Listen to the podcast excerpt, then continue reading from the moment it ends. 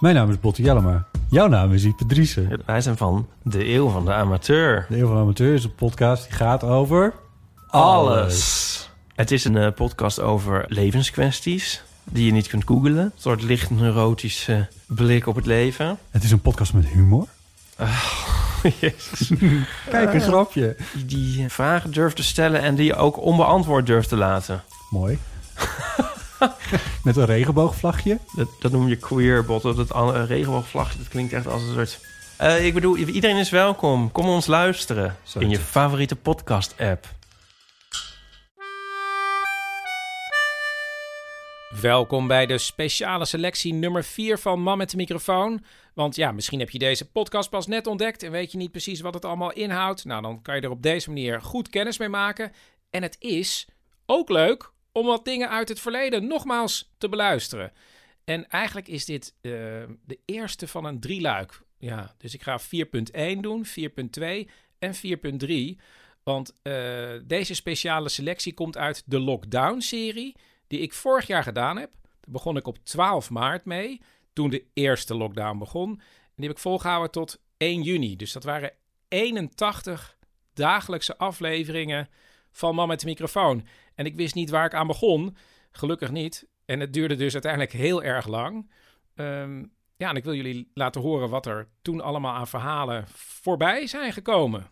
Dit is de eerste aflevering. Dan komt de tweede aflevering 4.2 eh, aanstaande dinsdag. En volgende week vrijdag aflevering 3. Nou, volgens mij kunnen we beginnen, Chris. Ja, maar voordat we gaan beginnen, maak ik ruimte voor mijn hoofdsponsor, de Kleine Comedie. In maart 1948 opent de kleine komedie haar poorten. Het theater is in handen van ondernemer Pierre Perrin en wordt de vaste speelplek van zijn vrouw, de blijspelactrice Tilly Perrin Bouwmeester. Ja, Tilly. Oh, wat is dit nou weer allemaal? Nou, dat zal ik jou vertellen. Ik werk aan mijn legacy, Pierre. Legacy? Ja, legacy, dat is Amerikaans. En het betekent nalatenschap. Oh, legacy. Ja, maar Tilly, ik heb je net een heel theater gegeven. Nee, Pierre. Het moet persoonlijker. Het moet meer over mij gaan. Moi, ik, mij. Ja, maar wat wil je nou weer? Nou, dat zal ik je Ja, vertellen. houdt het nooit op, Ja, Tilly. wel, het houdt wel op, het houdt hierop. Luister. Ik ga iedere kerst koekjes bakken voor arme kindertjes. Net als Rita Hewert. Hey, word. Ja, en ik heb dus haar originele recept. Dat komt uit New York. Nou ja, eh, succes. Gaan we.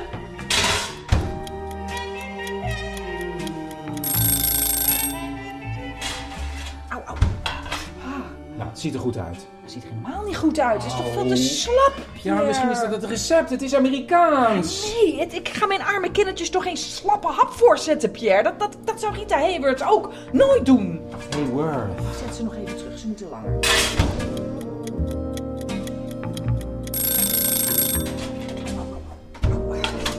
Hebben ze een hap? Oh, mijn kant. En? Kutrecept van Rita Hayworth. Ja, Hayworth. Nog eens? Hayworth. Ja.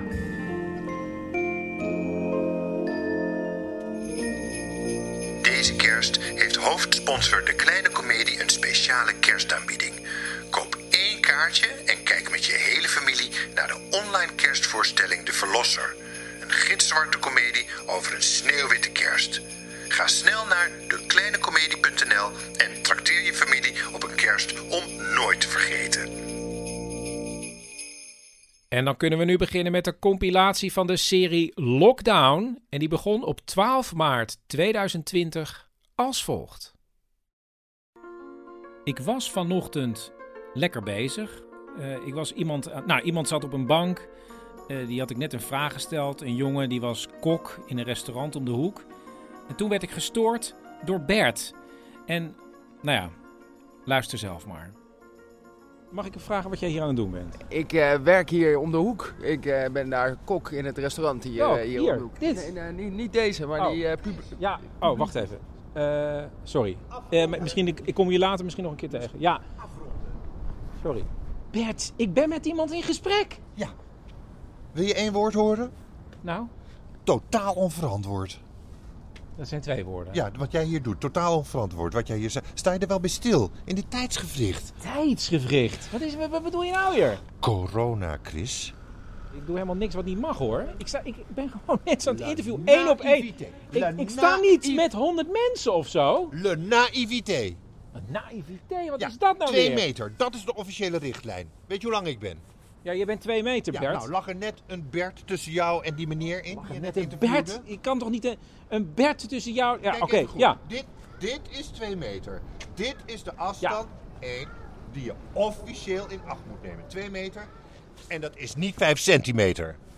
Maar Bert, zo kan ik toch niemand interviewen op twee meter? Nee, zo kan je niemand interviewen. Nee, begint het een beetje te dagen? Weet je, bovendien, wat denk je dat het voor het merk man met de microfoon betekent als jij hier een beetje het epicentrum van de verspreiding gaat staan uithangen met die microfoon van je? Ja, Bert, je niet op gaan slaan. Ik doe toch helemaal niks fout? Jij gaat die het is hier microfoon- in Brabant. Jij gaat die microfoon nu opbergen en je zet die bus weg en bereid je voor op een total lockdown. Bert, als mensen niet met mij willen praten... Total lockdown, Chris Dan-. Stap even over je eigen schaduw heen, alsjeblieft. Eigen schaduw, waar slaat het op? Kijk, als me... Dit ga je heel erg leuk oppakken, Chris Baaema. Dat is jouw kracht. Je gaat thuiswerken. En ik moet nu door en jij ook. En we bellen. Thuiswerken! Ja, en daar zit ik dus nu, thuis in mijn werkkamertje. Misschien moet jij ook wel thuis werken. In ieder geval tot 31 maart.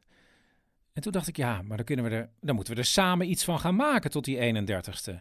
En ehm, nu heb ik een idee, want misschien heb je in het verleden wel een, iets meegemaakt en heb je een verhaal over eh, ingesloten zijn of dat je in quarantaine zat. En zo verzon ik in die allereerste aflevering dat luisteraars mij konden bellen en drie woorden konden achterlaten ehm, van een verhaal dat ze ooit een keer in een, ja, in een lockdown situatie hadden gezeten. Opgesloten of buitengesloten. En ik dacht, daar kan ik dan een paar dagen mee voort. Maar dat werden weken met die drie woorden over lockdown situaties. En die allereerste aflevering eindigde tijdens de afkondiging als volgt. Oh, dat is, ehm, dat is mijn moeder. Die, ook, die ga ik nu zo opnemen en laat ik eh, dat gesprek met mijn moeder morgen horen. Dus in ieder geval al tot morgen. Mam? Dit was de allereerste aflevering van Lockdown, een speciale coronaserie van Man met de microfoon. Tot morgen.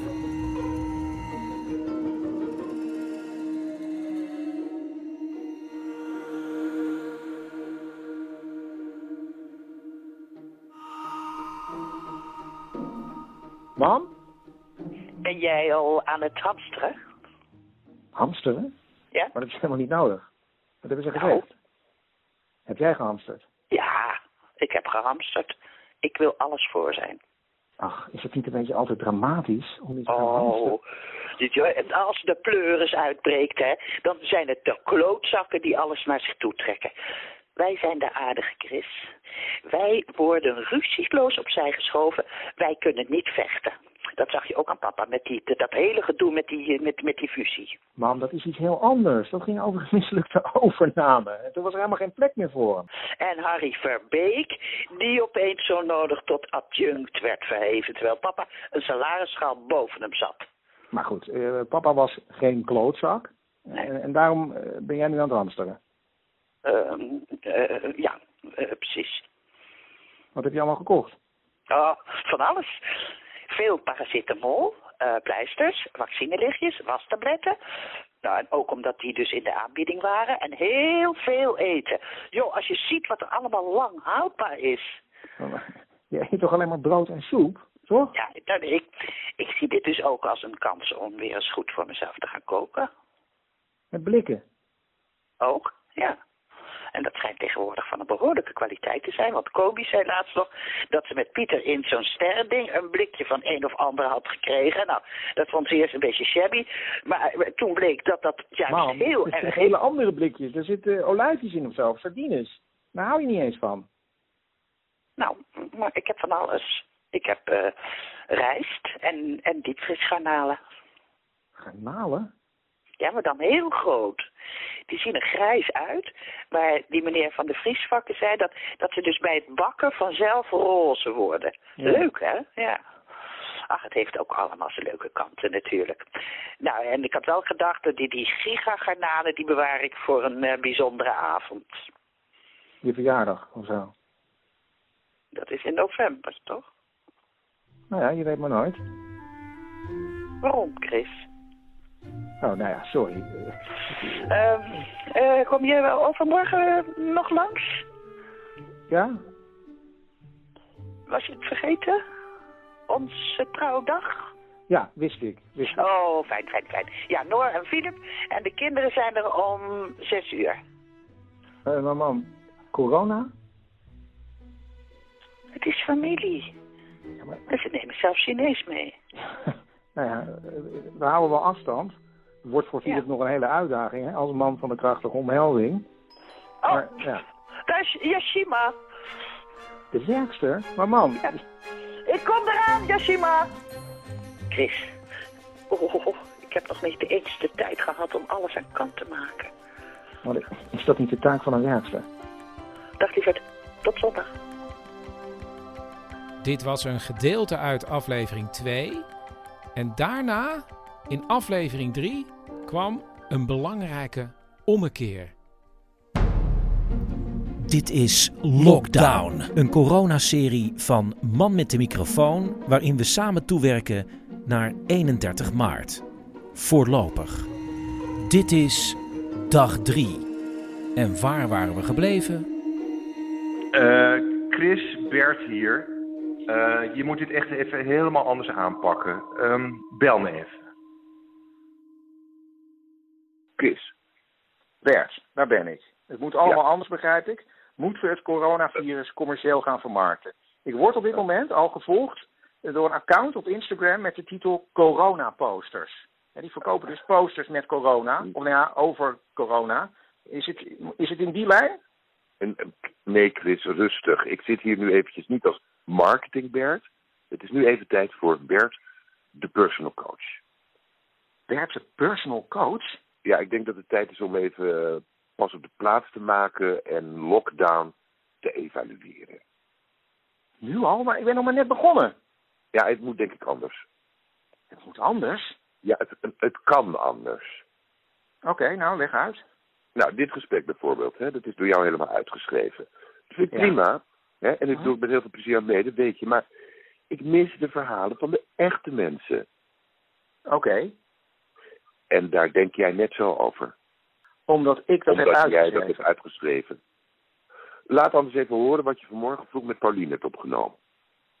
Oké.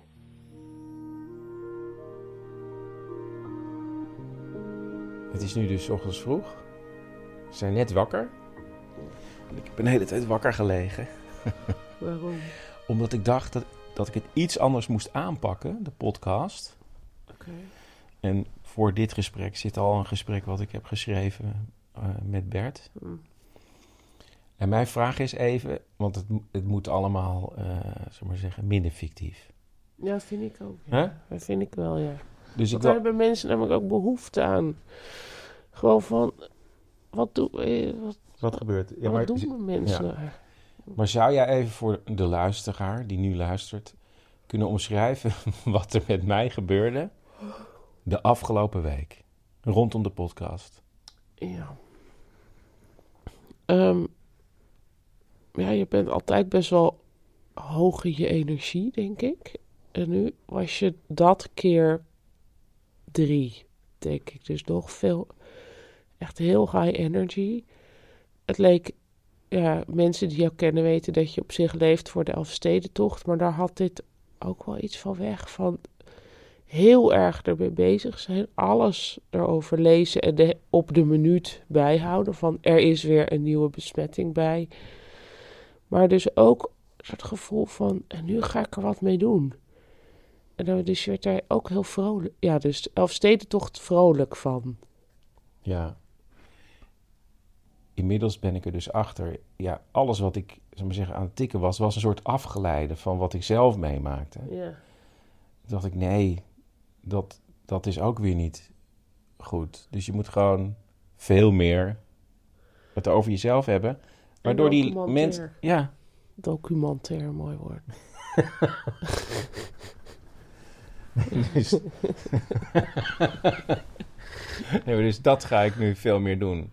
Ik vind dat En heel iets goed. ruwer misschien ook. Ruwer. Oh, Je, het moet Oh. wel duidelijk verstaanbaar zijn. Moet even gapen. Ja, ik denk dat dat, dat, dat ook eh, dat dat goed is. Dat mensen een beetje van elkaar dingen kunnen horen. Ja, nou, ik wil dus al meteen even iets bekennen bij deze. Want, in, want ik begon eigenlijk met dit idee al volgens mij op dinsdag. En ik had ook de hele tijd het idee... ik ben op iedereen vooruit. Ik ben al vijf stappen verder. Dus ik heb, als ik heel eerlijk ben... ik heb al op woensdag of donderdag... ben ik al naar de supermarkt geweest bijvoorbeeld. Ja. En toen ben ik heel groot gaan inslaan. Ja. En toen voelde ik ook, heel gek genoeg, toen ik in die supermarkt liep van... Oké, ik koop die ene wagen lag vol. En toen dacht ik, oh hé, maar deze mensen weten nog niet dat er misschien gehamsterd gaat worden of zoiets. Snap je? Ja, dat, je hebt de hele tijd. Dat je, je roept de hele tijd heel apocalyptische dingen. Ja, maar dat vind ik dan ook niet goed. Ja, maar dus dat is. En dan, en dan komt dat al dan niet uit. En dan vind je dat je daar gelijk in hebt. En dat zei ik gisteren ook tegen. Ja, pessimisten hebben altijd gelijk. Dus als jij nu roept. eh, nou, maandag zijn de scholen dicht. De, de Ja, dat scholen- denk ik wel, dat maar ik- ja, ja. ja, dus, eh, precies. Dus maar dat roep je dan. Dan denk ik, oké, nou ja, ehm Nostradamus, we gaan het zien. Oké, dus daar, eh, nou, daar gaan we aan werken. Ehm, ja, ik, de- ik denk dat, het, dat ik misschien te formatgericht aan het denken ben. Heel snel aan het denken was. Misschien moet ik zelfs ook dat loslaten en gewoon eh, vragen aan mensen. Ja, wat willen jullie eigenlijk? Wat zou jij willen horen? Of wat voor verhaal heb jij over eh, deze periode waarin we nou, niet zoveel naar buiten mogen of zo? Nou ja, kom maar gewoon met je vragen of met je eigen opmerkingen, zonder dat ik dat allemaal wil sturen. Toch? Ja, maar ik denk dat we vooral, wij de luisteraars, behoefte zouden hebben aan ehm, mooie of grappige verhalen van wat ik noem, nu maar even noem echte mensen. Ja, precies. Ik bedoel echte mensen, natuurlijk iedereen is een echt mens, maar ik bedoel niet een voorafgeschreven Ja. scène. Ja, nee, precies. Ja. Eh, onze zoon Ja. wil uit bed. Ja. Die overigens vrijdag al naar huis kwam. Want ze, ze, ze, ze- Zijn juf was ziek, dus ja. wij zitten nou, dus de dag gaan eh, beginnen. Kijk, en daar zou ik dan nog wel meer over willen horen, hè? over het gezinsleven. Je hebt ook nog twee puberzoons. Hoe brengen jullie de dagen door? Dat zou ik als luisteraar willen horen. En je Ja. moeder bijvoorbeeld. Ja, maar mijn moeder zit erin. Ja, dat is niet je moeder, Chris. Dat is Cecile, die speelt je moeder. En ik ben dol op die moeder. Maar ik zou ook nog wel eens iets willen weten over je echte moeder. Ja. Bel haar anders eventjes op. Oké. Ja. Jij bent samen met papa een kwetsbare ouder. En een Ik ben een kwetsbare oudere, Chris. Ja. ja, ja, Nou, ik ben het. Ja. Dan denk ik wel even, eh, hoe is het daar als kwetsbare Nou, ouder? weet je, ja, nou ja, papa die, eh, je weet, ja, papa heeft natuurlijk blaasontsteking. En eh, eh, hij heeft wel verhoging, geen koorts, wel verhoging. Maar elke keer, ja, dan is hij een kwartiertje beneden en dan gaat hij weer lekker slapen. Eh, nou, en wat heb ik gedaan? Nou, ik ben vanmorgen naar Hoogvliet gegaan, want ik had brood nodig. Hoe was nou, het in de joh. supermarkt? Ja, eh, zelfs bij ons in het dorp, Chris, je wil het niet voorstellen. Er lagen een paar broden. Nou, eh, één brood is voor ons genoeg. Maar toen gingen we naar, gingen naar de zuivelafdeling. Nou, geen melk, geen, geen yoghurt. Maar ik denk, ja, papa wil altijd morgens yoghurt hebben. Nou, het komt nog hoor vanmiddag. Nou, ik naar huis, eh, gewoon de brood in de vriezer. En ik denk, vanmiddag, ik ga weer even lekker lopen. Het was zo lekker weer. Dus nou ja, park in, lekker rondgelopen. Nou, ik denk, ik ga toch even kijken voor die eh, yoghurt. Staan er nog vier pakken magere yoghurt. En eh, ik had, oh ja, maar Chris, ik had voor de kerk eh, zeker ruim zes liter soep gemaakt. wat moet ik met zes eh, liter soep? Dus eh, ik heb voor ons dan, hè, want dat is best een lekkere, een beetje dikke soep. En de rest heb ik in bakjes gedaan. Nou, toen ben, ben ik dus bij Cor geweest en ik ben Ali en Nico geweest. Nee, ja, Ali en Nico heb ik bij de deur gezet. Toen ben ik bij Tineke en Ab geweest. Toen bij Koos en Leni. En toen nog bij Nel en Kees Scheringen. Daar heb ik allemaal een bakje gebracht. Maar zet je, zet je dan voor de deur of geef je het? Nee, Live. eh, ik geef het live. En hoe is de En- en- sfeer daar in dat dorp? eh, Oh, de, de, de- heel gelaten. Heel gelaten. Waar, waar, ze, waar we het meest over hebben. Goh, joh, dan gaan we toch elke zondag altijd naar de kerk. En dan niet? ik niet meer naar de kerk. Ja, nou ja, de kerken zijn ook allemaal gesloten. Ah ja, ja. Je moet de luisteraars dus nu ook een beetje op de hoogte gaan houden. Dus ik wil je wel meer bellen voor een opname. Nou, eh, ik, ik, ik, ik denk niet dat je hier veel aan hebt, hoor. Nou, dat zullen Ik we wel zien. Ja. Nou, dat, eh, dat weet ik. Hij Misschien heb je ook, als je daarover nadenkt, misschien kun je binnenkort met tips komen. Ik je al iemand voor tips. Of een leuk soeprecept. Ja, nou, moet je eens luisteren. Ik zitten. een soeprecept. Ik kwak altijd alles erin. Dus Nou ja, ik denk er even over na. Voor de mensen Ja. die thuis zitten. Ja, die thuis zitten. Ja, en weet je, eh, we- ze kunnen ook al aan de kerstkaarten gaan beginnen die ze zelf nou eens een keer gaan maken. Hup, dan hebben we tip 1. Hè? Nou, Nee. schrijf ze op en dan bel Oh. ik, bel ik later wel weer op. Oh, Pak een boekje ja. en schrijf, schrijf ze op. Dat is leuk. We moeten Nou. het ook leuk maken voor de mensen die thuis zitten. Ja, ja, ja. Nou, ik probeer het. Maar bewaar, bewaar dan meer tips voor later in de week. Schrijf ze Oh, op, nou. dan bellen we later. Oké. Oké, Nou, nou, ja, iets aan papa ook, hè? Ja, doei. Oké, doeg. Doei. Ik neem aan dat je hieronder dit alles ook weer hele mooie muziek bij elkaar hebt gezocht voor de sfeer. Ja, er zit muziek onder. Ja, probeer dat ook los te laten. Oh, ja, maar, ja, maar Bert, we kunnen toch ook nog wel fictieve dingen blijven maken? Tuurlijk, weet je, eh, daar ben ik ook een veel te goed type voor, maar je moet het gewoon beter gaan doseren. Waarom niet? Ook fictie. Fictie is een ingekookte versie van de werkelijkheid. Jezus, Bert, een ingekookte versie van de werkelijkheid. Je hebt het zelf verzonnen.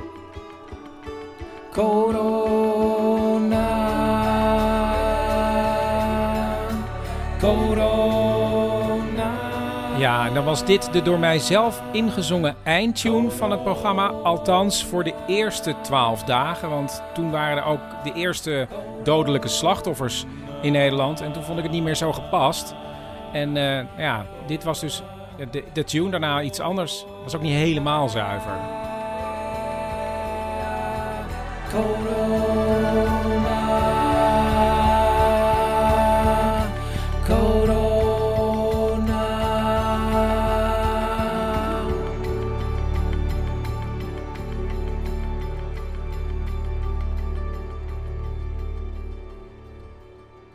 En dan is daar de eerste aflevering met mijn zoontje Wiek van vier jaar, vlak voordat de scholen dichtgaan. Nou, op school zeggen ze heel veel dat ik mijn handen moet wassen als ik buiten ben geweest. Maar eigenlijk was ik mijn handen wel vaak op school. En ik was ook een paar keer thuis. Maar ik, ik weet, ik was wel een paar keer per dag. 1, 2, 3 of volgens mij 4 of 5 keer. Wat vind jij van school?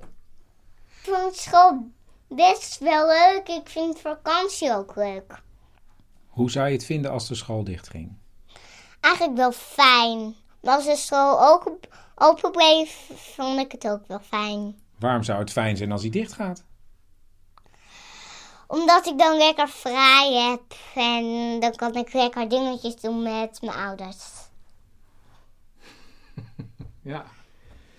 En, maar, maar wanneer moeten je ouders dan gaan werken, Wiek? Of moeten we dan afspraken gaan maken? Ja, dan blijft de een thuis en dan de andere misschien of zo. Dus eh, om het uur of zo? Ja. Dus eerst mag mama werken en dan mag papa werken? Ja.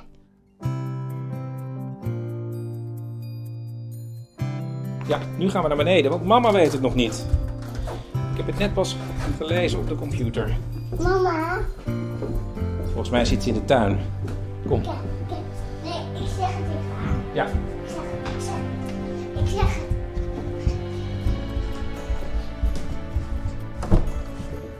Mam, de scholen blijven, de school blijft dicht. Ja, En hoe lang blijft die dicht, Wiek? de komende twee weken. En dan wordt er op een dag geklapt voor de mensen in de zorg. Ik kan niet klappen met de microfoon in de hand. Ja, ik hoor klappen. Nou, dan- Nou, best veel. Of moet ik er niet keihard doorheen gaan zitten klappen? Nee. Oh, Bas heeft ook de vlag. De bovenbuurman heeft de vlag uitgehangen. Hey Bas! Hey Bas! Ja, dat was Bas.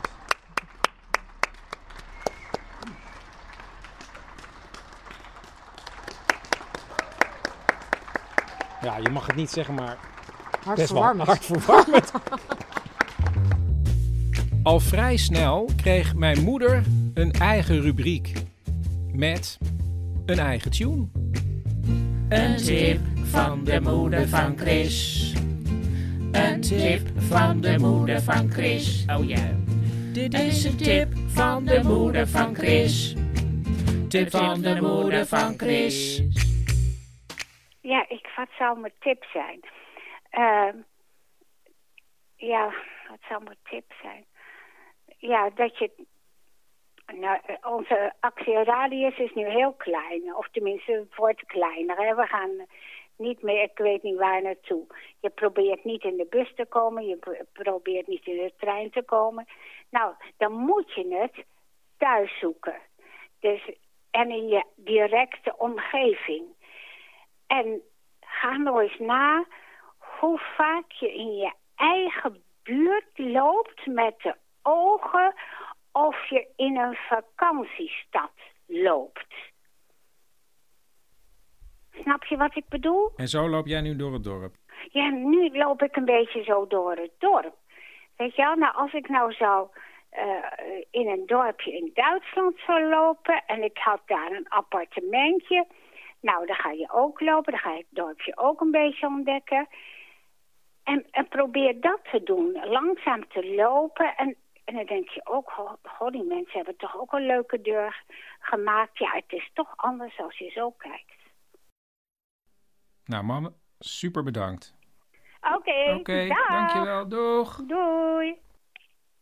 Ik had mijn luisteraars opgeroepen om hun eigen lockdown-verhaal uit het verleden met mij te delen. Door drie woorden in te spreken op de voicemail.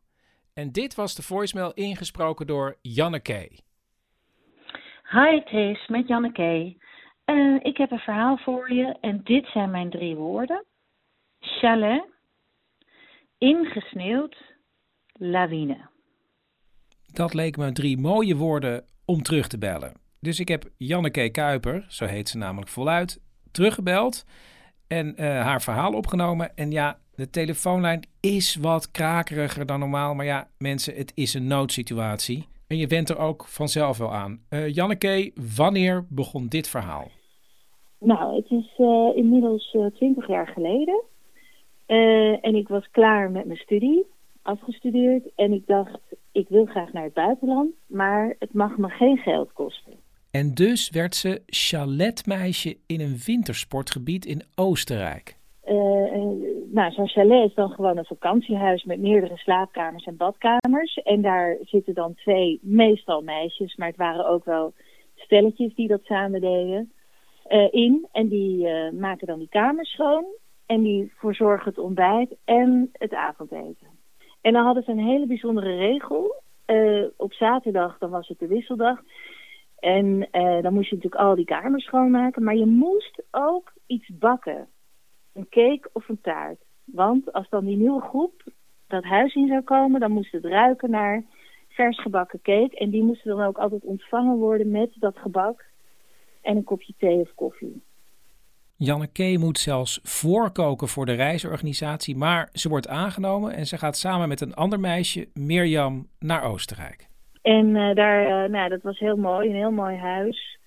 We hadden allebei onze eigen kamer. Dat was ongekend luxe, maar dat was wel formaat bezemkast. Dus je, we hadden allebei onze eigen bezemkast.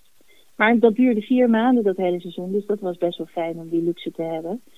En, eh, en, en dat was gewoon in het huis waar ook al die gasten sliepen. En de eerste weken, de kerstvakantie, ging alles heel erg goed. Dus ja. Dus het, de sfeer zat er echt heel goed in. Maar meteen na die kerstvakantie, in de derde week dat we er waren, uh, raakten we voor het eerst ingesneeuwd.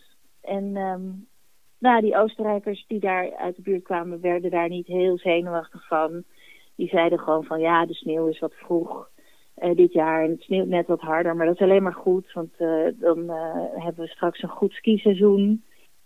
Maar dat betekende dus wel, insneeuwen betekende dat de weg die door het dal liep, dat die dicht ging. En dat je dan niet meer vanuit ons gehuchtje naar het dorp kon met de auto. En al helemaal niet naar andere dorpjes of stadjes waar je boodschappen kon doen. Dus toen kwamen we wel voor het eerst erachter dat het wel fijn was dat we iedere keer voor een week boodschappen deden omdat we die ook echt nodig hadden voor de mensen die we op dat moment in huis hadden. En dat insneeuwen uh, vonden we toen nog heel leuk en een beetje exotisch, want je kon gewoon twee dagen niet naar buiten. En dan was het even opgehouden met sneeuw en dan konden ze de sneeuw goed wegschuiven en dan kon je er weer doorheen rijden. Maar gaandeweg gebeurde dat vaker en duurde het ook langer, dat insneeuwen.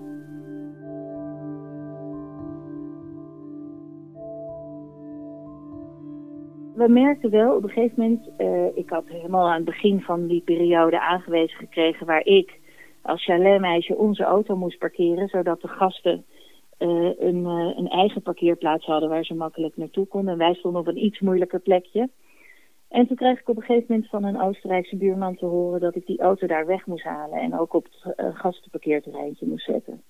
En uh, ja, die, dat Oostenrijkse accent, dat is best wel moeilijk te verstaan. Dus ik dacht, ik doe het maar gewoon. Ik weet niet precies waarom.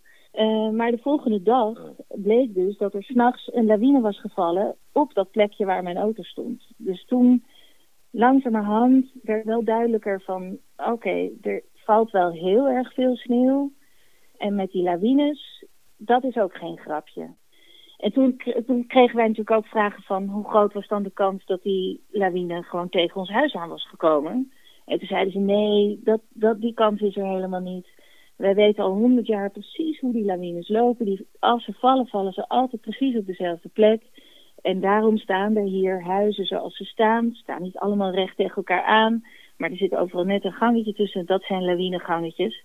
En dat ene parkeerplaatsje, uh, ja, daarom is dat ook een parkeerplaats voor het personeel. Uh, daar valt ook af en toe zo'n lawine op. Het blijft daar in Oostenrijk week na week sneeuwen. En soms kunnen families die in het huis zitten maar een paar dagen skiën en zitten ze ook weer vast in het huis. En vlak voor de voorjaarsvakantie is de weg weer even vrij en dan komen de nieuwe gasten aan. En dat is niet één grote familie, maar dat zijn vier aparte gezinnen. En die hebben één dag kunnen skiën en toen begon het weer met sneeuwen. Het bleef maar sneeuwen. Het was toen zo hard aan het sneeuwen. Je hebt wel eens dat het heel hard regent. Dan kijk je naar buiten en dan zie je die regen echt zo neerkletteren. En dat was toen ook, maar dan met sneeuw. Dus je zag gewoon, als je keek naar een randje, zo'n balkonrandje waar zo sneeuw op valt, zag je gewoon alsof je een, uh, een zak meel leegstrooit zo zag je die uh, balkonrand steeds hoger en hoger komen te liggen met sneeuw. Nou ja, goed, dus de situatie in huis was toen natuurlijk best wel precair. Want je had vier gezinnen met kinderen die elkaar allemaal niet kenden. En die vaders en moeders en iedereen. Je mocht het huis niet uit. Je kende de mensen niet. We hadden ochtends het ontbijt. We hadden natuurlijk die ijzeren voorraad. Dus aan het eten lag het niet. Uh, maar dan strekte zich een hele lange dag uit waarin je dat pand niet kon, je kon het pand niet uit. En we hadden uh, zo'n hele grote doos met lollies gekocht, want die was eens een keertje in de aanbieding. En de kinderen waren maar wat blij dat we die lollies hadden. Die konden dan iedere dag een lolly krijgen. En we hadden natuurlijk die hele regel uh, van die organisatie dat er op zaterdag altijd iets gebakken moest worden. En we dachten, weet je wat, dat gaan we iedere dag doen. We gaan iedere dag iets bakken. Dan gaat er, eh, komt er die lucht in huis van een vers gebakken cake of taart. En dan hebben we weer een extra momentje waar de mensen naartoe kunnen leven tussen de lunch en het avondeten. En dat is dan een soort theetijd met taart. Maar de druk van buitenaf die nam steeds verder toe. Want mensen en familie belden natuurlijk op van hoe gaat het daar en waarom, waarom komen jullie niet terug? En eh, inmiddels was het ook gewoon op het nieuws. Er waren ook bekende Nederlanders die waren ingesneeuwd en die werden ook gebeld en geïnterviewd door de radio en dat soort dingen. En eh, zelfs op een gegeven moment was er nog een radioprogramma dat ons huis opbelde. Want die hadden via die organisatie gehoord dat, uh, dat er Nederlanders zaten in dat gebied. En uh, die kreeg ik toen aan de telefoon. En ik merkte toen dat ik de situatie enorm ging downplayen. Dat ik heel erg voelde van nee, nee, nee, ik moet hier echt heel laconiek over doen. Want die vier families, die hebben inmiddels zoveel last van paniek. Uh, als ik dat nog ga aandikken, dan wordt het helemaal onhoudbaar. De gezinnen hadden een week geboekt, maar zaten inmiddels al tien dagen ingesneeuwd in het chalet en toen werd één dorpje verderop bedolven onder een lawine, waarbij meerdere mensen de dood vonden. En toen was het uh, natuurlijk meteen duidelijk dat het echt een noodsituatie was. Um, uh, en dat uh, de Oostenrijkse regering had toen nog maar één prioriteit. En dat was zo snel mogelijk iedereen wegkrijgen uit, uit ons dorpje en uit dat dorpje daarnaast. Maar ja, dat kon pas toen het eindelijk ophield met sneeuwen. En dat gebeurde. En toen het op was gehouden met sneeuw, was het ook meteen helemaal strak blauwe lucht met zon. En een heel vredig, uh, op het oog heel vredige omgeving met, met metershoge sneeuw, strak blauwe lucht en zon. En uh, toen moesten we allemaal geëvacueerd worden. ons gehucht werd opgedeeld. Bij ieder huis moesten we mannen en vrouwen van elkaar scheiden. Vrouwen en kinderen eerst. Het was echt een oorlogssituatie. En uh, er kwam zo'n kleine helikopter, zeg maar een beetje wat lijkt op zo'n libelle, waar een paar mensen in kunnen. Die kwam vanuit het dorpje naar ons gehucht gevlogen. Dat was natuurlijk een vlucht van een minuutje of zo. En dan werd dat kleine libelle helikoptertje volgestopt met vrouwen en kinderen. En dan vloog dat naar het dorp. En daar we moesten uitstappen. En zo kwam een soort pendeldienstje met dat helikoptertje. En uh, mijn collega en ik waren wel allebei twee meisjes, maar wij wilden eigenlijk als laatste ons huis verlaten. Nou, dat mocht eigenlijk niet. wij moesten ook bij die vrouwen, wij, wij hoorden erbij. Dus wij moesten die vaders achterlaten en die kwamen in het helikoptertje na ons.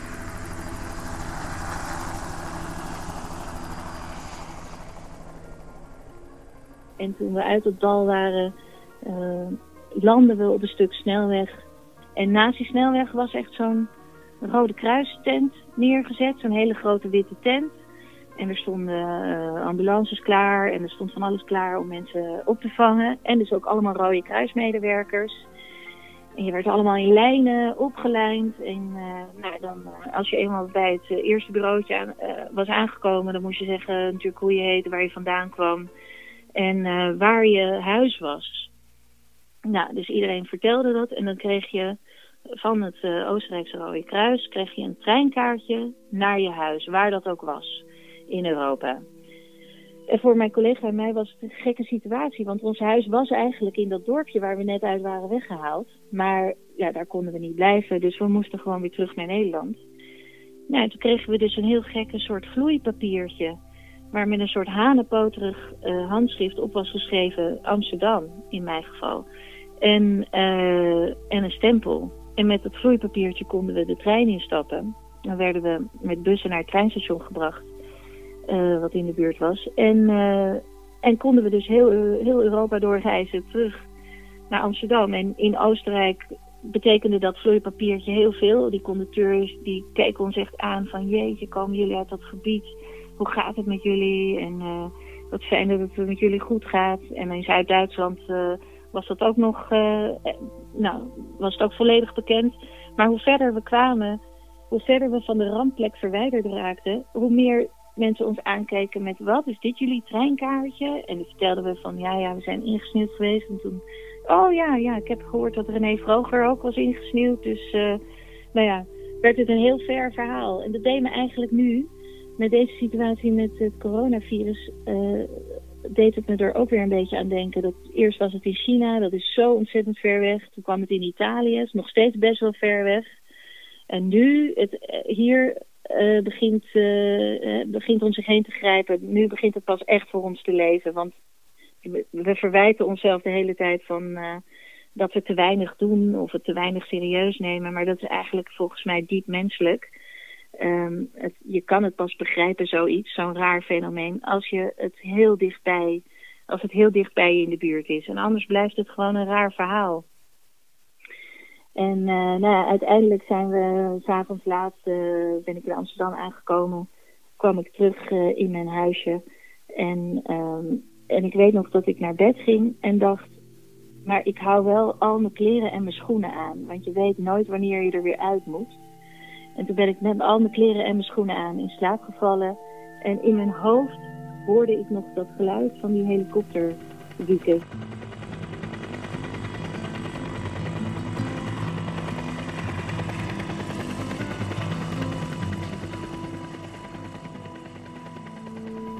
Wat ik ervan geleerd heb is dat, je, eh, dat het heel verstandig is om een goede voorraad te hebben. En bak iedere dag een taart of een cake. Want dan ruikt het lekker in huis en daar worden mensen vrolijk van.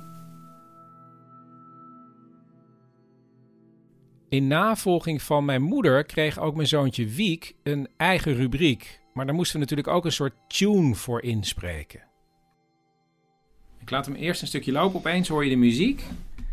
En dan kan je dicht bij de, bij de microfoon gaan staan. Zeg eens wat. Zeg eens AA. AA. Ja. En zodra de muziek hoort moet je zeggen dus... Nou, dan mag je gewoon iets gaan zeggen. Een beetje van Wiek.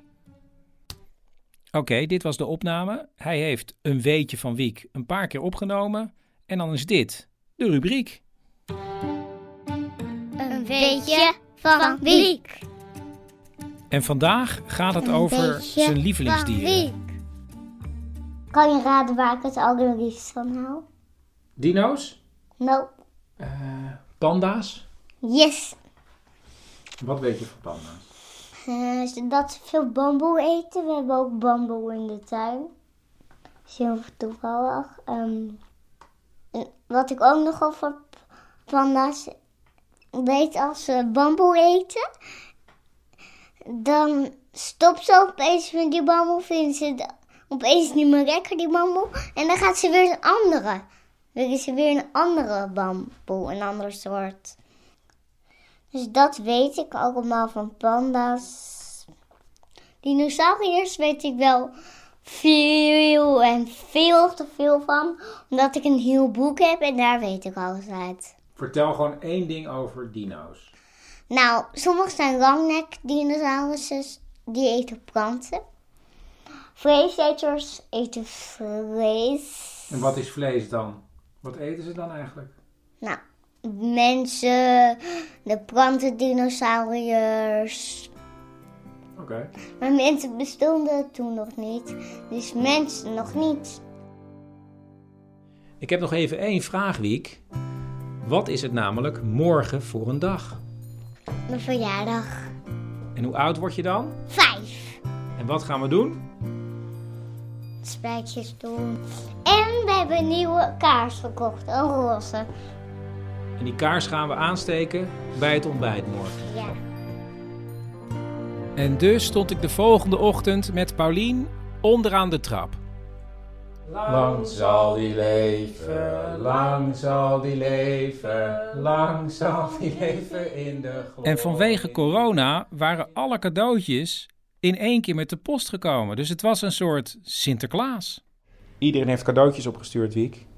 Opa en oma, Bram, Marijke. Sjaan heeft een brief.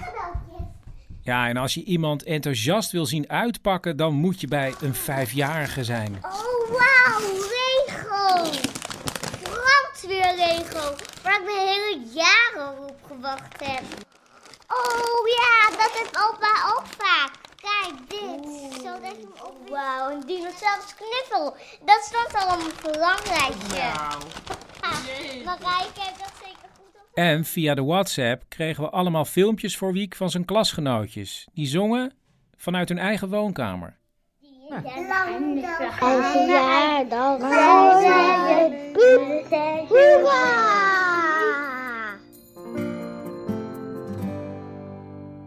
Op dag 10 bel ik met een hele goede vriendin van Paulien, Suzanne. Want, nou ja, zeg het zelf maar, Suzanne. Eh, ja, ik ben hoogzwanger en ik ben woensdag uitgerekend. Ehm, en eh, de baby is eigenlijk nu vlak voordat hij uitgerekend eh, is om naar buiten te komen, is die gaan draaien. En dat levert het stempeltje instabiele ligging op. En dat zorgt ervoor dat je sowieso in het ziekenhuis moet gaan bevallen. Wat op zich heb ik daar helemaal niks op tegen. Maar wat dan heel vervelend is, is dat mijn vriend al ongeveer drie weken hoest en deze week ook koorts kreeg. En ja, die mag gewoon niet mee naar de bevalling. Dus dat is wel eventjes slikken, een soort dubbel slikken deze week. Dat, dat is allemaal op één soort van... Je vriend is niet bij de bevalling en de baby ligt er heel raar bij. Dus de bevalling wordt misschien moeilijk. En dat allemaal in het decor van corona met een peuter die opgevangen moet worden. die opeens zeven dagen per, per week uh, hier is. Uh, nou ja, het is, allemaal even een beetje een uitdaging om hoogzwanger te zijn op dit moment. Maar er moet natuurlijk wel iemand met je mee bij de bevalling. Wie gaat er dan mee? Nou, ik heb mijn broer gevraagd.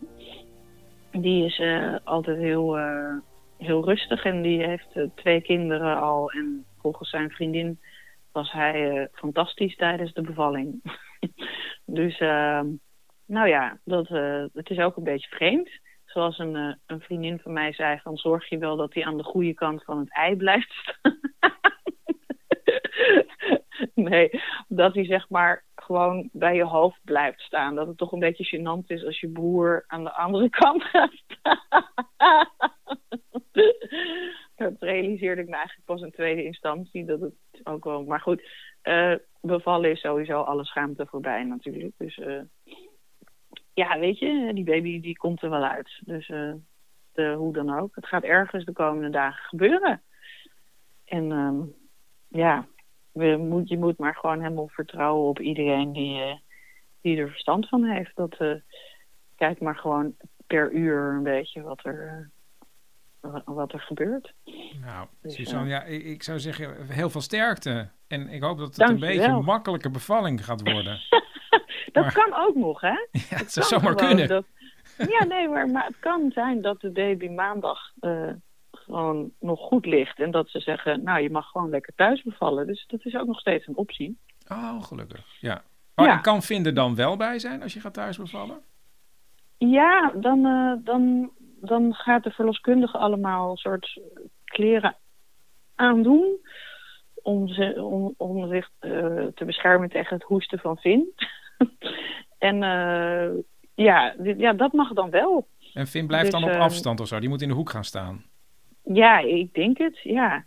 En, eh, en wat ik ook te horen heb gekregen van dat de kraamzorg moet ook bescherm- beschermd worden. Dus dat je helemaal geen bezoek mag ontvangen als de baby geboren is.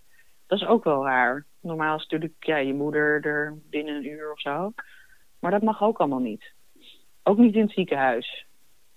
En hoe lang eh, gaat dat ja. duren? Ja, ook wel een tijdje.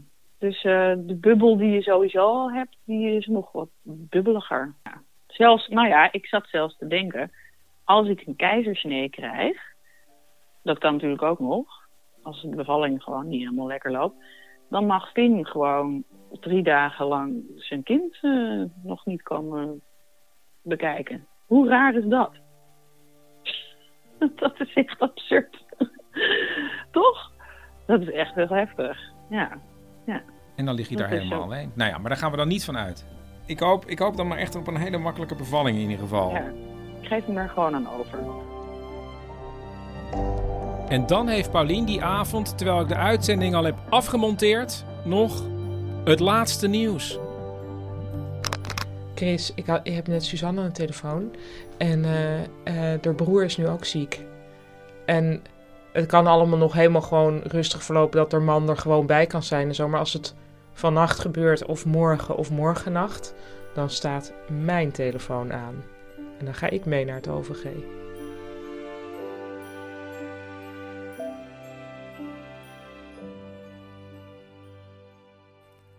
Een van mijn beste vrienden, Pieter, was spoedeisende hulparts in Brabant in het ziekenhuis, het Elisabeth Twee Steden ziekenhuis in Tilburg, waar de allereerste coronapatiënt zich meldde. En daarna kwamen de coronapatiënten en masse binnen. Dus ja, in de eerste dagen toen het even een rustig moment voor hem was, heb ik hem gebeld om te vragen ja, hoe die situatie daar was.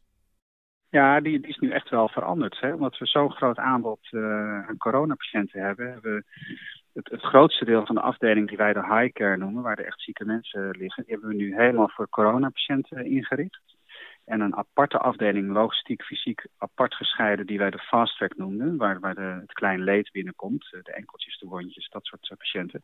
Daar komen nu de gewone niet-corona-patiënten die we ook nog wel binnenkrijgen. Mensen die vallen of struikelen of, of ge- gewoon buikpijn krijgen, tussen aanhalingstekens. Die worden nu daar gezien door de chirurgen. Dus de chirurgen die zijn nu daar aan het werk en de FCH'ers zijn fulltime op de high care waar alleen maar coronapatiënten liggen.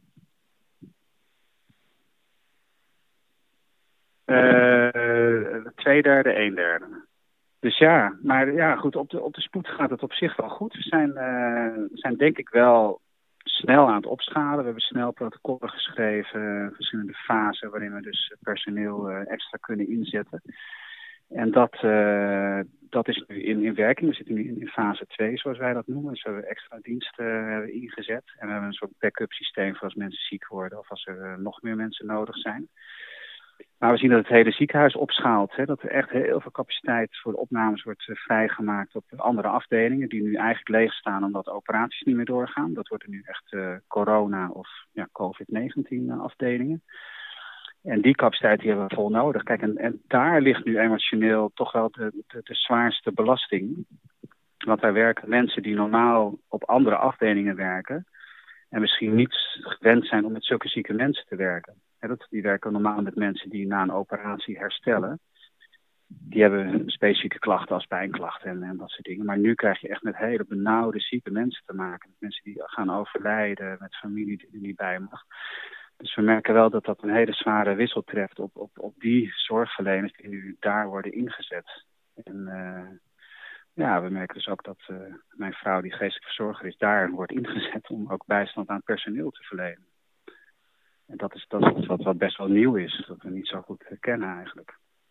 En ik vind het wel heel mooi om te zien dat wij nu IC-patiënten kunnen uitplaatsen naar de noordelijke provincies, waar, het nog niet in alle hevigheid losgebarsten, om hier de capaciteit uh, te vergroten of te ontlasten eigenlijk.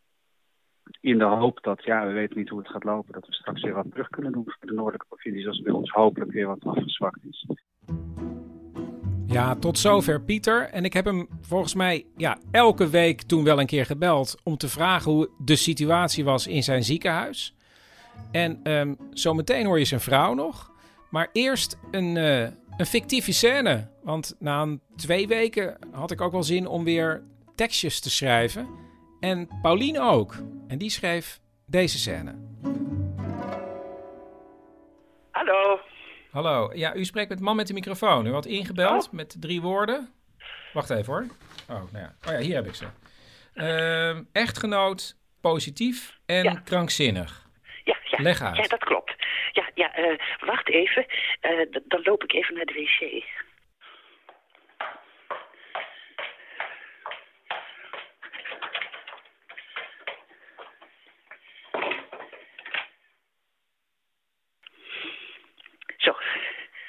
De deur is op slot.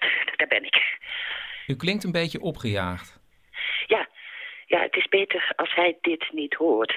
Het is namelijk mijn man. Ik, ik, ik word stapelgek van hem. Die vat die hele coronacrisis op als iets heel positiefs. Oh, ja. Hij heeft de trap geschilderd, want wij wonen twee hoog. En we mogen nu toch niet naar buiten, zegt hij. En hij is tot twaalf uur s'nachts bezig geweest. En, en hij wordt om vier uur weer wakker, want dan gaat hij brood bakken.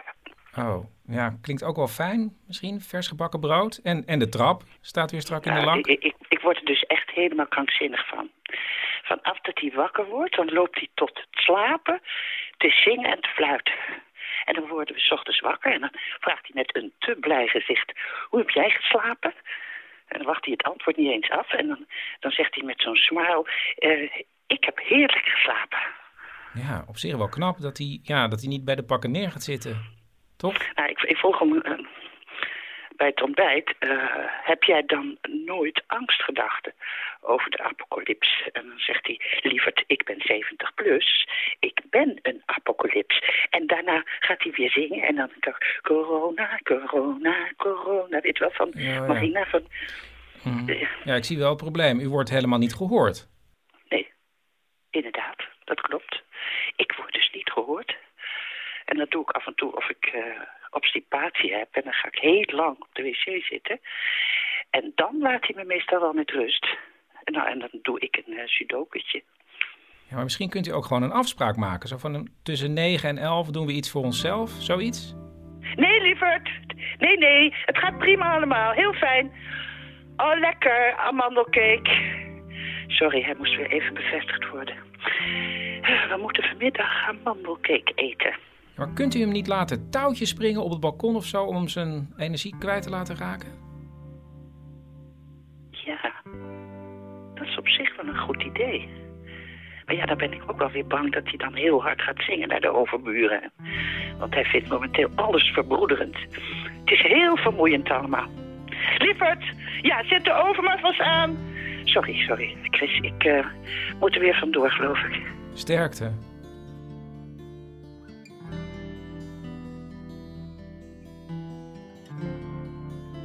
Paar dagen nadat ik Pieter had gebeld, heb ik ook met zijn vrouw gesproken, Saskia. Want zij was geestelijk verzorger in hetzelfde Elisabeth Twee ziekenhuis in Tilburg.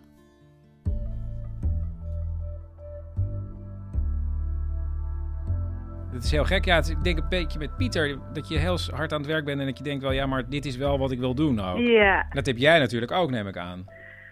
Ja, zeker wel. Ja, nee, het voelt wel heel goed om, eh, ja, om gewoon nog steeds om aan het werk te mogen zijn. En eh, ja, ik ging gisteren met een heel vol- voldaan gevoel eh, naar huis toe. Ja, dus ja, nou, nou moet ik zeggen dat ik nog een beetje steeds uit in, in, de, in het rustige ziekenhuis eigenlijk werk. Hè? Want in het Elisabeth heb je vooral de meeste coronapatiënten die worden opgenomen. En ik werk juist in twee steden. Dus ik had eh, op zich nog niet zo heel veel mee te maken. Terwijl collega's van mij al wel veel meer ook eh, ja, echt bij de corona-afdelingen kwamen met coronapatiënten. En eh, nou, dat had ik gisteren dan zelf voor het eerst. Dus toen ben ik ook eh, nu in twee steden komen die ook wel. En, en sowieso hoor, bij de patiënten waar ik kom, de, de gewone patiënten, die zijn ook veel eenzamer. Hè? Die hebben dus helemaal niemand die bij ze op bezoek komt. En zoals ik gisteren ook bij een mevrouw, die wacht op een plekje voor het hospice. En een oude mevrouw die dus ja, eh, terminaal is, die snel zal gaan overlijden. Ja, en zij eh, heeft haar familie, die ze nog heeft, in Canada wonen. Ja, die kunnen nu dus niet. Ze zei ook van ja, anders zouden ze nog wel naar me toe zijn gekomen. Maar die kunnen nu niet reizen. En ze hebben nog wel met haar gebeld, maar dat was ook alweer één of twee weken geleden. Dat heeft ze wel heel fijn gevonden. Maar nu is haar stem ook heel zacht geworden. Dus ze kan ook niet meer met ze bellen.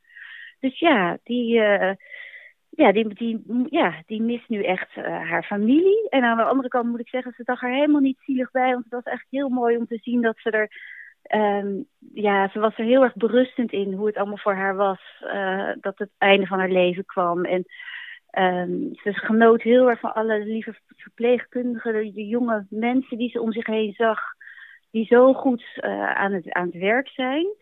En ook een, was ook een hele gelovige vrouw. Dus ze, ze wilde me ook heel graag nog vertellen over hoe bijzonder nog was wat ze had meegemaakt. Bijvoorbeeld dat ze, ja, dat was die dag daarvoor, of een van die dagen daarvoor, was een hele grauwe dag geweest. En ehm had ze zo gebeden ook, want zij houdt heel erg van wolken. En had ze naar God gebeden van, goh, mag ik nog wat mooie wolken zien? En toen, niet lang daarna, was dus inderdaad eh, die grauwheid een stuk weg. En, en kwam er een prachtig wit wolkje voor haar raam.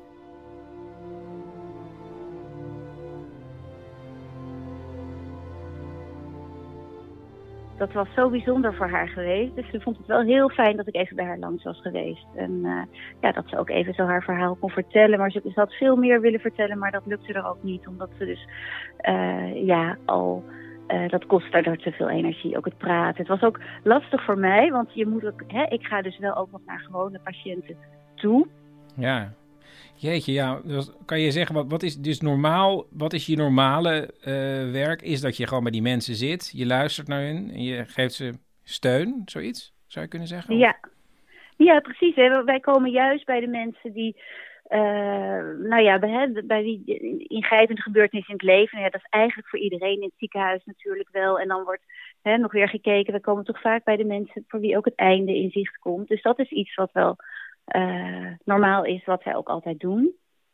En, uh, maar ja, in dit geval is het dus niet normale dat er dus zo weinig familie dan ook is bij iemand. Dat, dat je, ook sowieso in het hele ziekenhuis is het zoveel stiller. Omdat het, de familie eigenlijk ook bij andere patiënten niet op bezoek uh, kan komen. Alleen maar als familie er wel is uh, tussen zes en acht avonds. Dus um, ja, dat hoor ik nu vooral veel van de patiënten op de gewone afdelingen terug. Dus dat, dat dat het voor hen wel extra zwaar maakt. En ook als ze bijvoorbeeld dan een, operatie hebben gehad en ze weten dat ze naar huis mogen. Dat ze ook dat ze dan weten dat er ook geen familie bij hun langs kan komen. Dus dat ze het veel meer allemaal alleen moeten doormaken. En natuurlijk wel via telefonisch contact, maar toch, uh, ja, je merkt dat dat echt veel zwaarder is voor, uh, voor de patiënten.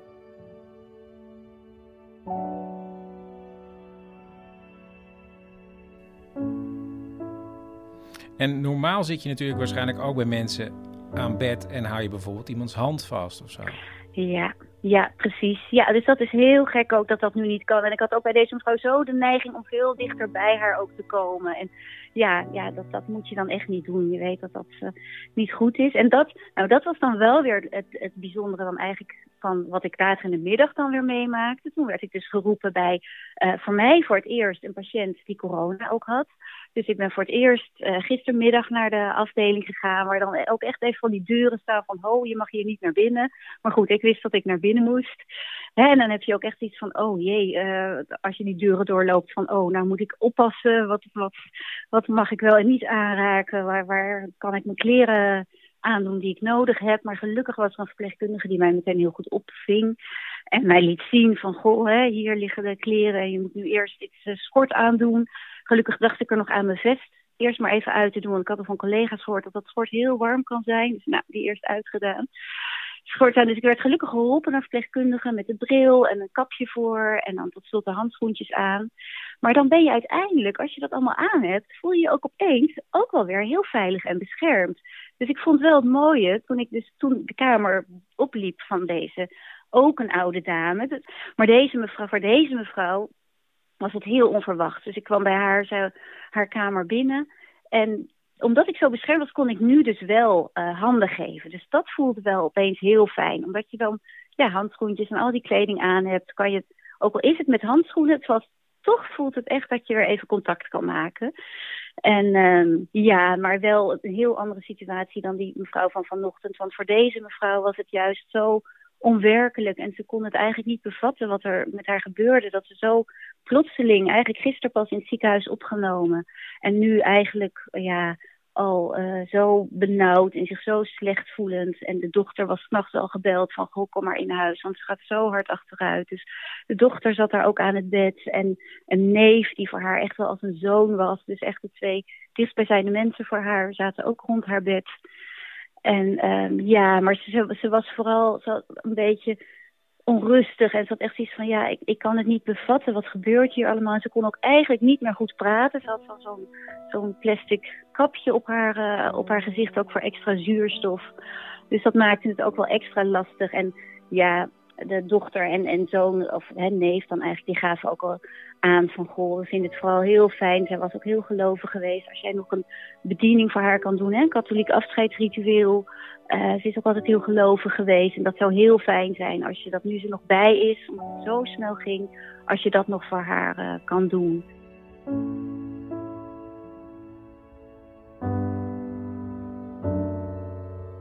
En hoe ziet zo'n ritueel eruit? Nou, weet je, dat is ook nu dus heel anders. Want normaal gesproken eh, gaan wij dan ons koffertje halen. En dan hebben we daarin eh, nou, het boekje waarin in, in het, eh, alles beschreven staat ook aan, aan teksten en gedichten en gebeden die je kan gebruiken.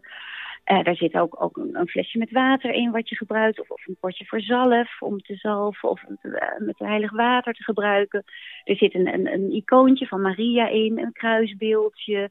Een, een doekje wat je neer kan leggen op een tafeltje. Zodat je er echt nou, ook de voorwerpen bij hebt. En op die manier ook echt een, eh, als onderdeel van het ritueel dat allemaal kan gebruiken. Maar ja, dat hadden we al met elkaar afgesproken van ja, dat kan niet. Want dat is te besmettelijk allemaal. Alles wat op zo'n kamer is geweest, dat is besmet geraakt. En ja, dat zou niet kunnen om dat elke keer weer helemaal opnieuw eh, weer te ontsmetten. Dus we hadden al afgesproken, we gebruiken niet ons koffertje. Ik had al wel aparte papieren uitgeprint die ik dan één keer kan gebruiken en vervolgens weer eh, weggooien. Maar ja, deze mensen wilden gewoon het liefst dat ik ter plekke meteen dat voor die mevrouw deed, omdat ze zo onrustig was. Dus ik heb ook niet eens meer, weet je, je kan ook niet, je zit in je pak, je kan niet zomaar van de afdeling af. eh, zeggen van, oh, ik haal even snel op mijn kamer mijn papieren. Want dan moet je eerst helemaal uitkleden en dan vervolgens opnieuw aankleden. Dus gewoon maar ter plekke besloten van, nou, hè, gewoon met eh, de eigen woorden. Hè, die, hebt, die hebt in je hoofd in ieder geval dat ritueel ook zitten en met de gebaren. En een stuk ook een zegen geven, hè, waarmee je toch het goede aan- aan iemand wenst. En dan uit naam van God doe dat dan met de hand op het hoofd. En een ander onderdeel is daarbij ook de, de handoplegging, waarbij je ook familie uitnodigt om de hand, eh, handen op, op nou, de, degene om wie het gaat te leggen. En zo met elkaar nog verbinding te maken. En En je staat allemaal in zo'n pak. De familie Ja. ook. Nou, dat was ook nog zo wat. Want ehm, de, die, die mevrouw die had ook echt gekeken. Het is ook belangrijk dat haar familie ook bij aanwezig is. Dat is eigenlijk een heel mooi onderdeel van het geheel. Dat je dat zo samen met elkaar beleeft. En ze had ook echt even iets van: hé, maar oh, maar is mijn dochter hier dan nu wel? En die dochter had natuurlijk ook helemaal zo'n kapje op haar hoofd. Dus die dochter moest echt even zo dat kapje afdoen van: ja, maar mam, kijk, ik zit hier naast je. Dus hè, dat, het maakt het ook allemaal wel echt iets. eh, Ja, eh, als een ik snap dat zo'n oude dame dat echt als een, een heel verwarrende situatie ervaart. En zeker als je zo benauwd dan ook bent. Dus nou, het was mooi dat ik het gedaan kon hebben. Dan ben je toch blij dat je, dat je, daar, ja, dat, je dat hebt kunnen doen. En voor mezelf vond ik het ook heel fijn dat ik nu eh, een keer heb meegemaakt ook hoe dat is om zo al die kleren aan te hebben. Ik, we hebben dat wel vaker als we patiënten in isolatie eh, ook hebben. Maar nu is het nog wel sterker. Dat je ook echt een bril erbij op moet. En, en ja, de voorzorgsmaatregelen zijn echt nog veel preciezer allemaal. Dus ehm, ja, dat is ook fijn dat ik nu gewoon voor de volgende keren... Ik heb nu bijvoorbeeld aanstaande donderdag ook voor het eerst... eh, dat ik, dat ik mee een nachtbereikbaarheid heb. Nou, dan vind ik het heel fijn dat ik in ieder geval weet dat ik word opgeroepen. Dat ik daar nu een stukje bekend mee ben. Hoe ik mezelf daarin eh aankleed en hoe dat voelt en hoe dat is om dan... eh, ja, dat allemaal te moeten doen. En op zo'n afdeling eh, rond te lopen waar eh, de patiënten liggen met het coronavirus.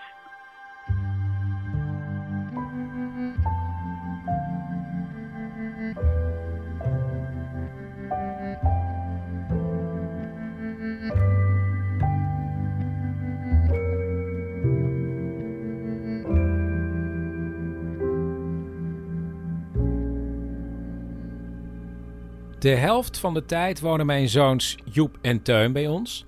En eh, die waren tijdens de lockdown 15 en 17 jaar. En ja, ze volgden school, maar deden dat thuis.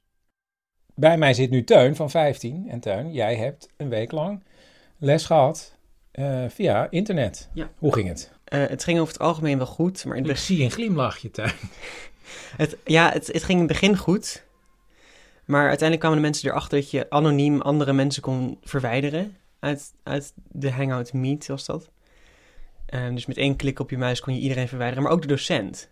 Dus uiteindelijk kwamen mensen erachter, toen gingen ze me- mensen verwijderen en ook uiteindelijk de docent. En mijn scheikunde docenten, die werd uiteindelijk gewoon constant verwijderd. Ehm, en toen eh, had ze gezegd ze van, nou we doen het later eh, dit wel, want volgens mij zijn er geen vragen meer en ehm, ik word elke keer verwijderd, dus ik kan de les niet meer voortzetten. Maar nu is het, nu is het weer goed, want het is, ehm, ik, ik kan dat niet meer doen. Of niemand kan dat doen. Het kan niet meer. het knopje is grijs. Heb jij haar ooit verwijderd, Teun? Ik heb haar niet verwijderd, echt waar. Nee. Thuis En ontmoet je nog eh, andere leerlingen buiten de school om? Dus ga je toch nog naar buiten om andere leerlingen te ontmoeten? Ehm, ja, soms. Dat doe ik wel. Anderhalve meter? Nee. ja. Nu wel? Ja, nu wel. Dat lijkt me even genoeg. Als Mark Rutte het zegt. Sorry. Dan moet je die wel uithalen.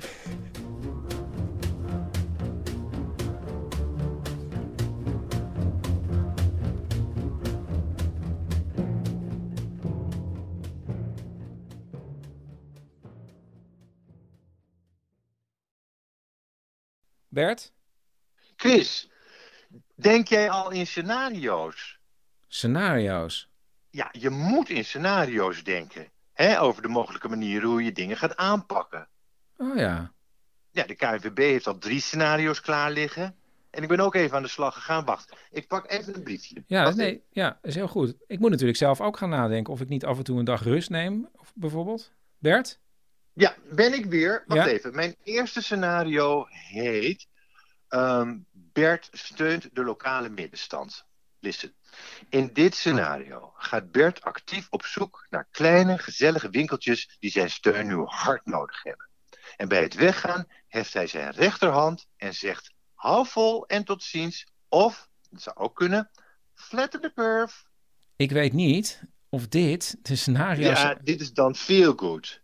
Hè? En dan zit ik dan een beetje tussen Hugh Grant en Tom Hanks in. Hè? About boy, you've got mail, dat soort dingen. Bert, ik weet niet of dit nu de scenario's zijn... eh, waar En dan trek ik die lichtbruine corduroy broek aan met het donkerblauwe shirt. Ja, dat vind ik wel feel good. Toch? Ja, Ja, of, is een ander scenario, wacht even. Bert draait door. In dit scenario heeft Bert even genoeg van de situatie en reageert woedend op mensen die onvoldoende afstand houden. Hoewel, eh, dit is op dit moment nog niet echt een scenario, maar het is meer een logline. Hè? een logline? Ja, ik ben even in de scenario-theorie gedoken. Dat eh, leek me wel handig. Maar Bert, En toen dacht ik ook nog, wie zegt me dat het allemaal documentair moet zijn, Chris? omdat het over het hier en nu gaat? Documentair, fictie, wie ziet het verschil nog? En dan heb ik nog een ander briefje. Wacht even, pak ik even. Bert? Ja. Dit is tot nu toe het eh, scenario wat, ik het, eh, wat het meest is uitgewerkt. Hele nacht op gezeten. Pff. Het heet Bert en de UFO. Listen, in dit scenario landt er in de tuin van Bert een knalgroene UFO... waar twee fel oranje wezentjes uit komen waggelen. Ze vragen Bert om hulp bij het redden van de Bert. Ja. Bert schrikt eerst, wacht even, maar ziet ook vrij snel dat het hele lieve wezentjes zijn. Bert? Ja? Ik krijg een wisselgesprek. Oh, opnemen. Dat kan belangrijk zijn. Succes ermee. Gaat lukken.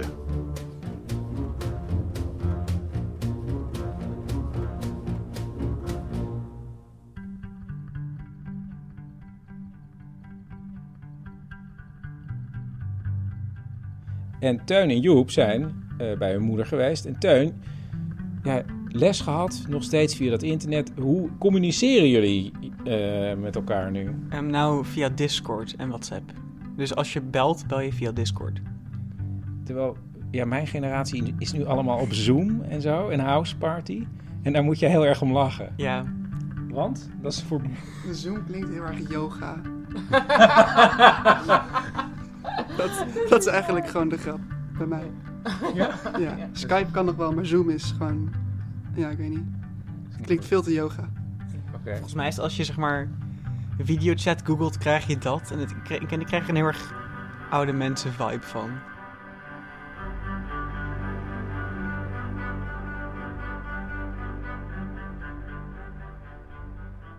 Als je drie woorden insprak, had je een grote kans dat ik je terugbelde om te vragen welk verhaal erachter stak. En eh, ik weet niet eens meer wat deze drie woorden precies waren, maar ja, ik heb wel teruggebeld.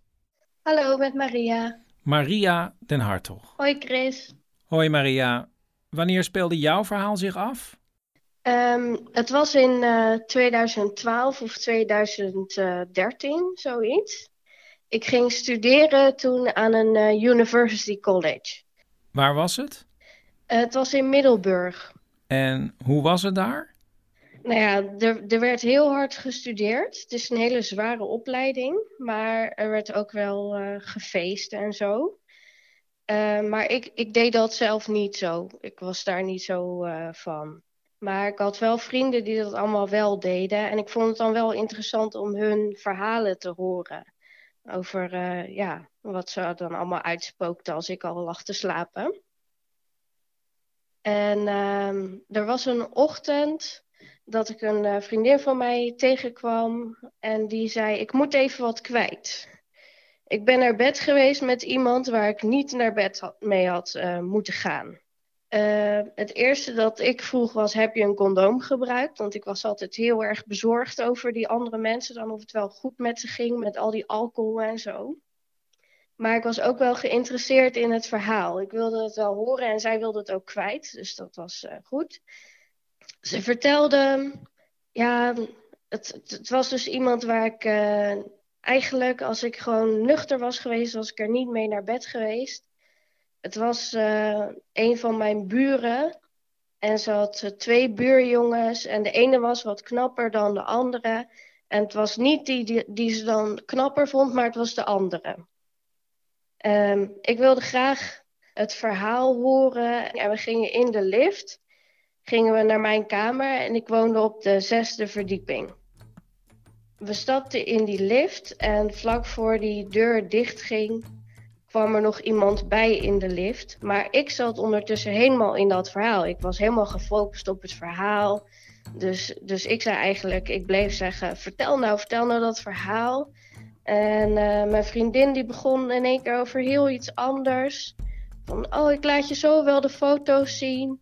Uh, ja, het was een hele leuke vakantie. En ik dacht, wat? Nee, ik wil, ik wil niet horen over een vakantie. Ik wil horen over van die, uh, die jongen en dat gisteravond. Um, op de vierde verdieping stapt de jongen uit en ik denk, ah, eindelijk. Nou, verder met het verhaal. Maar uh, er kwam niet echt meer verhaal. Die vriendin van mij, die, die kijkt mij wel alleen maar een beetje zo aan van, ja, wat doe jij nou allemaal? En uh, die zegt, ja, dat was dus die jongen, die jongen van gisteravond. En had je het idee dat die buurjongen wist waar jullie het over hadden? Ik denk het wel, ja. Dat kwam allemaal achteraf, dat besef bij mij. Want mijn sociale voelsprieten waren gewoon totaal niet ontwikkeld. En ik was heel naïef ook toen. Oh, wat grappig. Jij deed helemaal zelf helemaal niks. Nee, en um, ik heb in 2017 de diagnose autisme gekregen. Ah. En achteraf denk ik ook van ja, dit was gewoon zo'n sociale situatie waar ik totaal gewoon niks door had. En achteraf snapte ik het allemaal, wat er, wat er mis was gegaan. Maar in dat moment zelf was ik gewoon me nergens van bewust. Hé, hey, maar dat is misschien een rare vraag. Maar hoe is het voor jou als je autisme hebt? Hoe is het dan nu? Want het is een beetje een autistische situatie nu eigenlijk. Met dat corona. Of niet? Ja, ja het is heel veel thuiszitten. Daar ben ik op zich wel goed in. En uh, weinig contact met andere mensen kan ik ook heel goed hebben. Ik kan heel goed wel alleen zijn. Ik woon wel samen met uh, mijn vriend en daar ben ik ook wel weer heel erg blij mee. Want ik kan mezelf ook wel heel erg in paniek maken soms. En waar uitzicht dat dan in? Nou, het allerergste moment voor mij was eigenlijk tot nu toe dat er al die maatregelen kwamen. Want het was een hele grote verandering natuurlijk in ons leven. En veranderingen is nou juist iets waar ik niet zo goed mee ben. Wat gebeurt er dan met jou? Ja, ik, ik moet altijd heel snel huilen van dingen. Ik moest ook huilen. Um, er kwam wel uh, paniek ook. Ik vind normaal gesproken het leven al best wel uitdagend soms. En dingen zoals naar de supermarkt gaan, dat ja, vind ik eigenlijk al soms best wel moeilijk. En nu verandert ook nog dat patroon helemaal. Van oké, okay, nu ga ik naar de supermarkt, maar nu moet ik me weer anders gedragen. En dat is, ja, vind ik best wel lastig. Dus eigenlijk vermijd ik het best wel allemaal. En laat ik mijn vriend allemaal een beetje de dingen buiten doen, zeg maar. Aan de andere kant zou je ook zeggen, zijn er nu ontzettend duidelijke afspraken. Wat voor iemand met autisme misschien ook wel weer heel handig is. Ja, dat is wel zo. En eh, ik ben wel een paar keer een rondje gaan wandelen buiten. En op zich vind ik het niet onprettig dat mensen zo om elkaar heen lopen. Dat ze zo weglopen van elkaar. Maar ik vind ehm, het ook wel weer lastig dat je nu iedereen moet begroeten eigenlijk. Het is nu een soort regel geworden van... oké, je mag om elkaar, van elkaar weglopen... maar je moet wel dan vriendelijk knikken. En dat vind ik dan eigenlijk ook weer niks. En waar grijp je je nou aan vast eh, om rustig te worden? Ehm, nou, mijn vriend die helpt wel om mee te praten en om eh, knuffel te geven. En ehm, ja, ik praat ook wel eh, meer met mijn moeder nu via FaceTime en zo. En die, die, dan zeg ik wat ik denk en dan kunnen zij daar weer gedachten tegenover zetten. Ik heb ook een, uh, een psycholoog en die uh, uh, fungeert nu tijdelijk eventjes als coronacoach, zeg maar. Die heeft een heel lijstje gestuurd met allemaal dingen om mentaal gezond te blijven tijdens quarantainetijd, zeg maar. Dus ritme houden, op tijd naar bed gaan, gewoon op een vaste tijd ook proberen op te staan. Blijf je aankleden, blijf je wassen, niet verwaarlozen en zo. Ook je huis niet verwaarlozen. Dat soort dingetjes. En hoe gaat dat? Lukt dat? Ja, dat gaat best wel goed. Ja, ik ben gewoon aangekleed nu. Heel goed. Nou, ik hoop dat er gewoon een soort stabiele coronasituatie voor jou dan nu uh, ontstaat. Dat je in ieder geval Ja. langere tijd weet waar je aan toe bent. Ja, nou, ik denk dat dat, dat we vanavond wel gaan horen. Maria, ontzettend bedankt. Ik ga je ophangen. Ja, leuk dat je gebeld hebt. Ja, en leuk dat je luistert ook en dat je drie woorden hebt ingestuurd. Ja. Oké. Oké, Doeg. En toen, na 16 dagen, ontdekte ik dat er al twee vrienden waren die een tijdje lang al corona hadden. Dus die heb ik ook maar meteen gebeld. Dat waren Paul en de eerste die je hoort is Ellen. we hebben volgens mij het ergste gehad. En eh, ik heb er wel een beetje een eh, bijzondere stem. En we moeten nog steeds heel erg hoesten, maar we hebben nu geen koorts meer. Al eh, twee dagen of zo niet. Dus dat is echt heel goed. Want is het echt, zijn die ook getest of niet? Nee, Paul heeft die app gedaan van het OLVG. En daar, eh, dan krijg je dus een reactie. En dan ze- zeggen ze, het is waarschijnlijk corona. Maar we hebben natuurlijk geen test gedaan. Daar hebben ze helemaal geen capaciteit voor. En wij zijn verder ook gezond. dus ze gaan echt niet een, eh, een dokter naar ons sturen of zo. Of een, of een test doen. Dat is allemaal... eh, dat, eh, dat is gewoon veel te veel werk. Als, we, als wij nou een risicogroep waren. Maar we zijn gewoon verder gezond. En hoe begon het? Ja, hoe begon het? Met keelpijn, denk ik. Ik weet het niet zo precies meer. Weet jij het nog? Keelpijn en een vervelende kuch. En wanneer dachten jullie, oh shit, dit is misschien corona? Vrij snel misschien. Ja, dat dachten we vrij snel, maar we hoopten het eigenlijk ook. Want eh, wij waren zo ziek dat je hoopt dan dat dit het is en dat je niet, eh, als je naar buiten gaat of eh, als je weer mensen tegenkomt, dat je het alsnog weer krijgt. Want dit was echt zo vervelend. Omschrijf even wat, hoe, hoe het voelde. Ja, hoe het voelde. Ja. Nou, Paul was dus echt van, die was echt van de wereld. Die, was, die lag gewoon de hele dag in bed en die, eh, die zweefde gewoon een beetje. Die had, heel, eh, die had koorts en die kon niks. En eh, ja, ik had. mijn, mijn hele lichaam was moe en, en zwaar en spierpijn en hoofdpijn. En die symptomen die wisselden ook steeds. Dus dan was het weer voornamelijk hoesten. Dan was het weer voornamelijk spierpijn. En dan dacht je dat het beter ging. En dan kreeg je de volgende dag weer iets anders, zeg maar. Wat ook in dat, in dat hele spectrum zit. En op een gegeven moment kreeg ik ook, eh, ging mijn reuk en mijn smaak weg. En toen, eh, de eerste dagen ging ik nog wel eten voor ons maken. Maar eten maken, als je geen reuk en geen smaak hebt, dat slaat echt nergens op. Dan denk je, wat sta ik hier nou door elkaar te roeren? Dus dat, is, dat was ook echt heel onhandig. En dat heeft iets van zes, zeven dagen geduurd. Dat is, begint nu ook weer terug te komen, gelukkig. Wauw. En Dat is echt heel weird, omdat je dan, eh, dan wil je bijvoorbeeld thee drinken, maar je proeft gewoon helemaal niet dat dat thee is. Dus ik ging op een gegeven moment ook maar gewoon heet water drinken, want dat had echt geen zin. is Paul, kan- kan ik nog misschien heel even met Paul eh, praten? Ja, natuurlijk kan je met Paul praten. Ik geef hem eventjes. Ja, hallo. Hey Paul, met Chris. Hallo Chris. Ja, want ik hoorde dat jij het eigenlijk het zwaarst voor de kiezen hebt gehad. Ja, ik heb echt eh, zware koorts gehad. Of zwaar, maar ik heb echt koorts. Ik heb echt ik ben bijna een week in delirium geweest, ja. En, en wat maakte je toen door? Dat is een soort...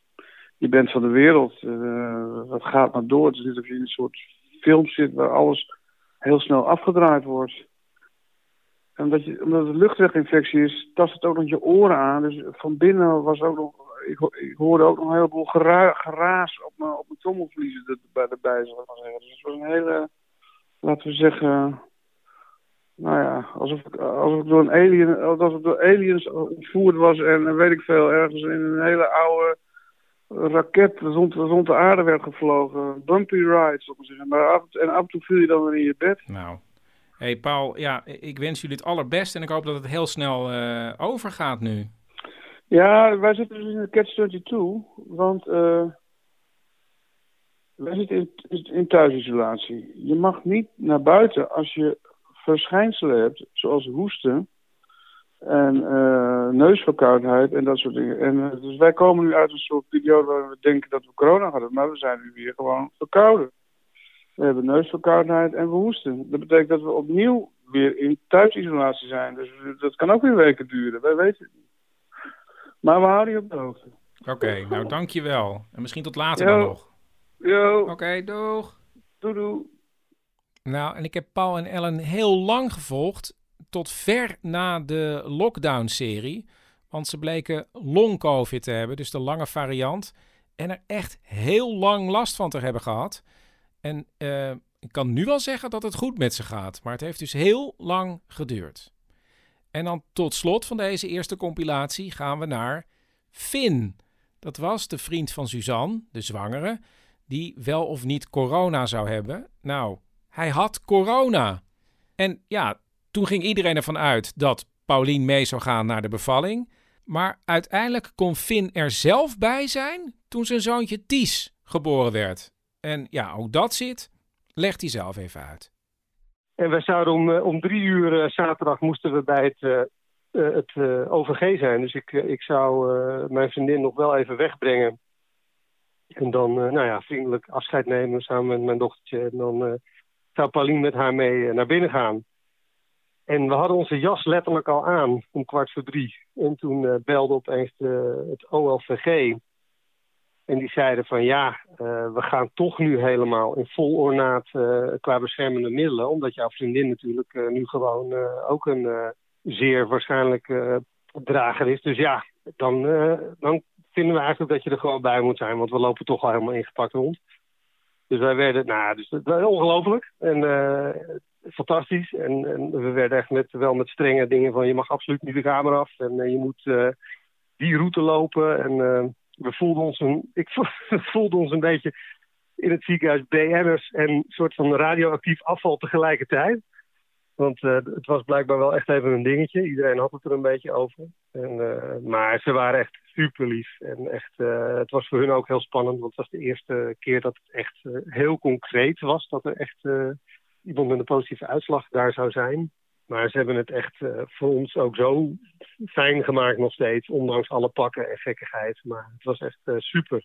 Nou, wat fijn. En om vlak voor middernacht eh, is je zoon geboren. En ja, en toen inderdaad, ja, echt een, eigenlijk een idioot voorspoedige bevalling. Inderdaad, en om tien voor elf is die kleine boef al huilend naar, naar buiten gekomen. Ja, Oké. En tot slot even de vraag, hoe zit het nu met de kraamhulp? Moet hij zich ook in een pak gaan hijsen? ja nou, dat is ook, ja, dat is, daar heb ik wel echt, eh, ik vond het ook wel heftig, want die, nou, die heeft ook best wel een dingetje. Want de verloskundigen zeiden dus ook zo van, ja, wij hebben nu deze maskers gekregen, maar eigenlijk zijn dit zijn eigenlijk niet helemaal de goede maskers. Nou, dat vond ik best wel heftig. En de kraamzorg, die hebben helemaal, eh, die hebben echt een soort van, eh, ja, die hebben dus enorme protocollen meegekregen. Alleen, er zijn nog geen spullen. Dus die, ja, letterlijk stond onze kraamhulp stond met, die heeft uit de gereedschapkist van haar man. En eh, wel geschikt gelukkig, want ik ben zelf ook even op internet gaan duiken van wat is nou van de bouwmarkt geschikt, zeg maar. Want ik moet ook een masker op de hele tijd. Als ik, eh, als ik bij uh, Ties in de buurt ben.